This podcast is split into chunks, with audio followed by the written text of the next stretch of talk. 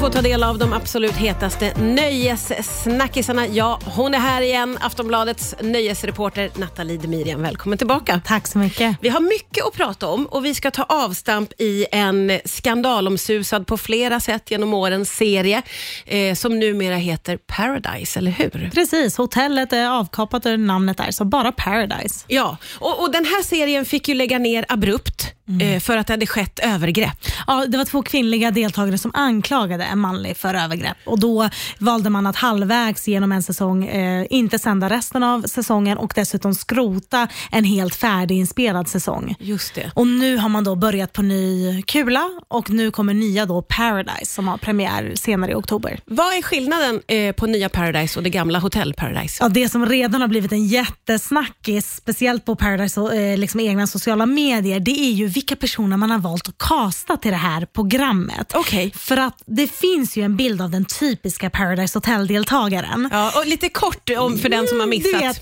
Eh, musklig eller liksom väldigt så inoljade personer i diverse små bikinis. Eller liksom, Det är kanske- naket och sexigt. Det är naket och sexigt. Tack så mycket. Där hade vi det. Och I år så är det ja, men typ inte en enda person som passar in i, i, i den här formen. De har verkligen gått hela man har vänt på det helt och hållet med vilka Ah, ja, som är ja, castade helt enkelt. Ja. Och Det har blivit en jättesnackis för att nu kallas det här för PK hotell, alltså politiskt korrekta hotellet och Borås hotell som Oj, är ju, oj, oj. Ja, men du vet en referens till den här sociala medietrenden just Ja. nu med att så här, Sveriges tråkigaste och värsta plats är verkligen Borås. Ja, just typ. det. Ja. Ja. Så det har, det har liksom på förhand nu kommit jättekritik mot vilka de har valt att ha med i år. Ja, okej. Eh, och Då tänker jag att eh, den här eh, publiken som har tittat, de är vana vid någonting visst och de ser inte att de kommer att få det då när de tittar på den här casten. Exakt, så är det. Så är det. Ja. Och Sen är det ju så här, just eftersom att det var övergreppsanklagelser eh, tidigare, nu har man ju då tagit det här med samtycke på största allvar, Ja, okej. vilket i sig är en väldigt bra grej. Sen så får man veta lite vad det är för, för, för grejer och ja, då är det bland annat så att när två, nu måste ni tänka på att Paradise Hotel i vanliga fall har ju, det är mycket sex. Ja, liksom. ja.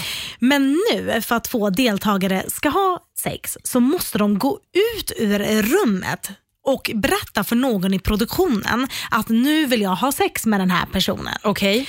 Och Det måste ske i nykter tillstånd. För får du liksom feeling lite på fyllan så här sent på kvällen, då får ni faktiskt inte ligga. Utan det är i nykter tillstånd du måste ha gett ditt samtycke. Oj. Och utöver det, när det väl är liksom dags, när man ligger där i sängen, då måste man göra en tummen upp till kameran. Oj, kära nån. Det låter ju inte som att det kommer att bli någon ligga alls i den här säsongen. Det är alldeles för mycket som tar bort stämningen. Även vem orkar? Jag var på pressträffen och pratade med en deltagare om det här som sa att men man var ju tvungen att planera sånt här minst en halv dag i förväg. Och hur ofta har man den typen av planering? Jag vet inte riktigt. Men du, tror du att det här kan hålla fortsatt då? Nu ändras ju allting. Kommer den gamla publiken att hänga kvar tror du? Jag tror att det här blir en väldigt kritiserad säsong och jag tror att eh, produktionen kanske tar med sig det och försöker skapa istället någon typ av mix mellan det gamla och det nya. För nu känns det verkligen som att ja, men det enda som är kvar, det är liksom grundkonceptet i att man spelar ett spel, man bildar liksom allianser och Ja, parceremonier fast på ett annorlunda sätt nu. Ja, ja, ja, det behöver inte okej. Vara kille-tjej-grej. Nej, Eh, så det är kvar och i slutändan ska det ju vara en kul ceremoni där man kan vinna pengar. Alltså Ja, grund, grundgrejen är kvar. Ja. Men allt det här roliga att titta på, det vill säga fest och ligg och allt det där, det är ju inte kvar. Det är borta helt enkelt. Ja. Vi får ju se hur det går. Det ska bli ganska spännande att följa. Verkligen. Vi ska ta fler nöjessnackisar alldeles strax här på. Riks FM. Idag är det Nathalie Demirian som är nöjesreporter på Aftonbladet som är här och delar med sig av de hetaste nöjessnackisarna. Och eh, förutom att jag älskar eh, skvaller och nöje och tycker att det är roligt att du kommer hit, så är det, jag älskar också eh, ditt engagemang Nathalie. Du liksom går så upp i de här grejerna och det vi ska prata om nu, det känns som att du, det bara spritter i din kropp när du ska få prata om Bella Hadids otroliga klänning. Ja. Det här har ju fladdrat förbi för många på sociala medier, men Ja. vad var det det handlade om? Ja, men det var ju verkligen ögonblicket alla pratade om på Fa- Paris Fashion Week som var nyss. Ja. Bella Hadid, som ju är en av de hetaste modellerna i världen just nu, hon dyker upp på liksom, catwalken på Copernis eh, show. Så står hon där i bara en stringtrosa håller för sina bröst med armen. Och helt plötsligt kommer det ut två män som börjar spraya vad man trodde först var vit färg Ja. på henne. Ja. Men det är inte vit färg, det är så kallat så här silly string, vilket är typ någon så här jag vet inte om det är gummi eller silikonliknande små trådar Ja, som ja. bara sprayas rakt på Bella Hadids kropp när Ja. hon står där på, på catwalken. Tänk att alla ögon är ju på det här. Ja, ja. Kändisar som Kylie Jenner sitter där och kollar på. Alla liksom. tittar. Alla tittar. Det här sprayas på henne live och medan de här männen sprayar det här så modellar ju hon under tiden. Vet, så här, lyfter en arm och du vet, bara ser otroligt vacker ut där. Och Sen så ser man ju att ja, det är en klänning som håller på och, och sprayas på här. Ja. Och då tänker man ju så här, jaha, om det här inte liksom är färg, ja, men hur, vad, vad ska hända?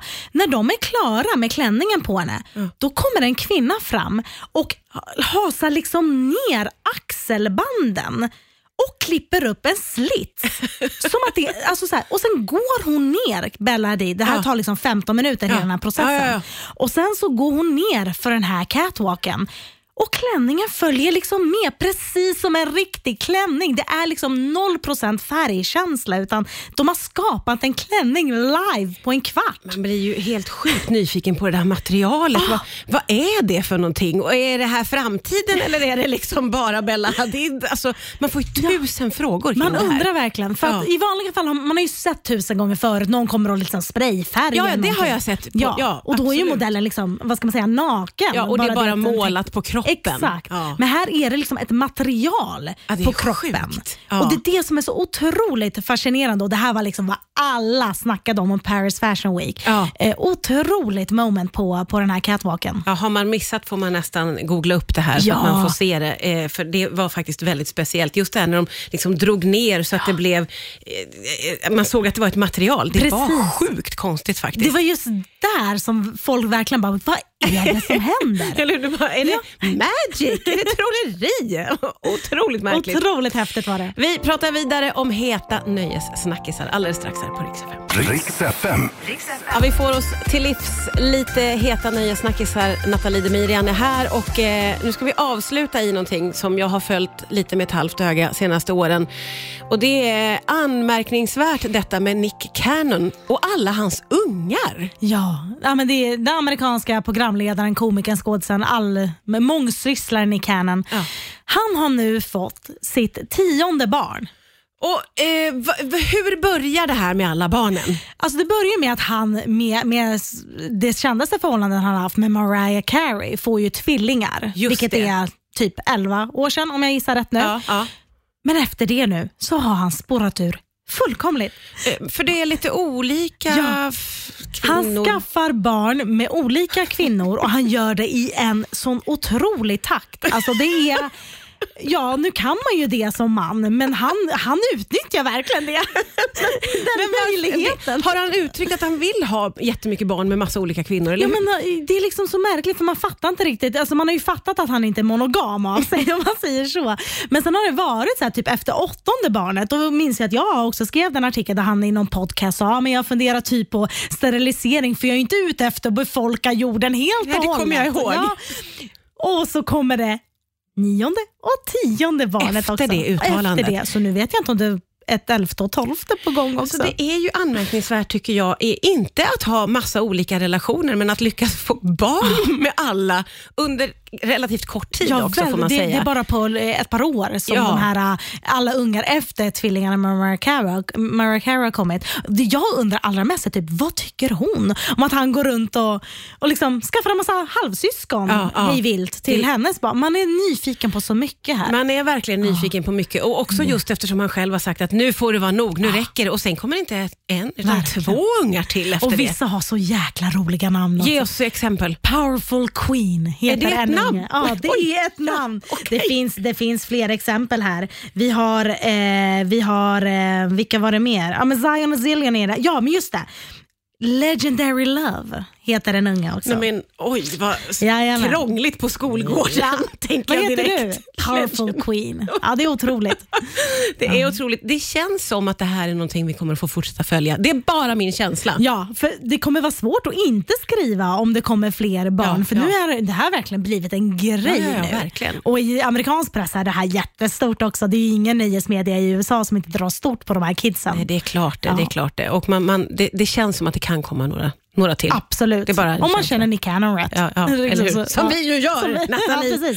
Bästisar. Du, eh, så roligt att ha dig här. Hoppas att vi ses snart. Tack för idag. Tack så mycket.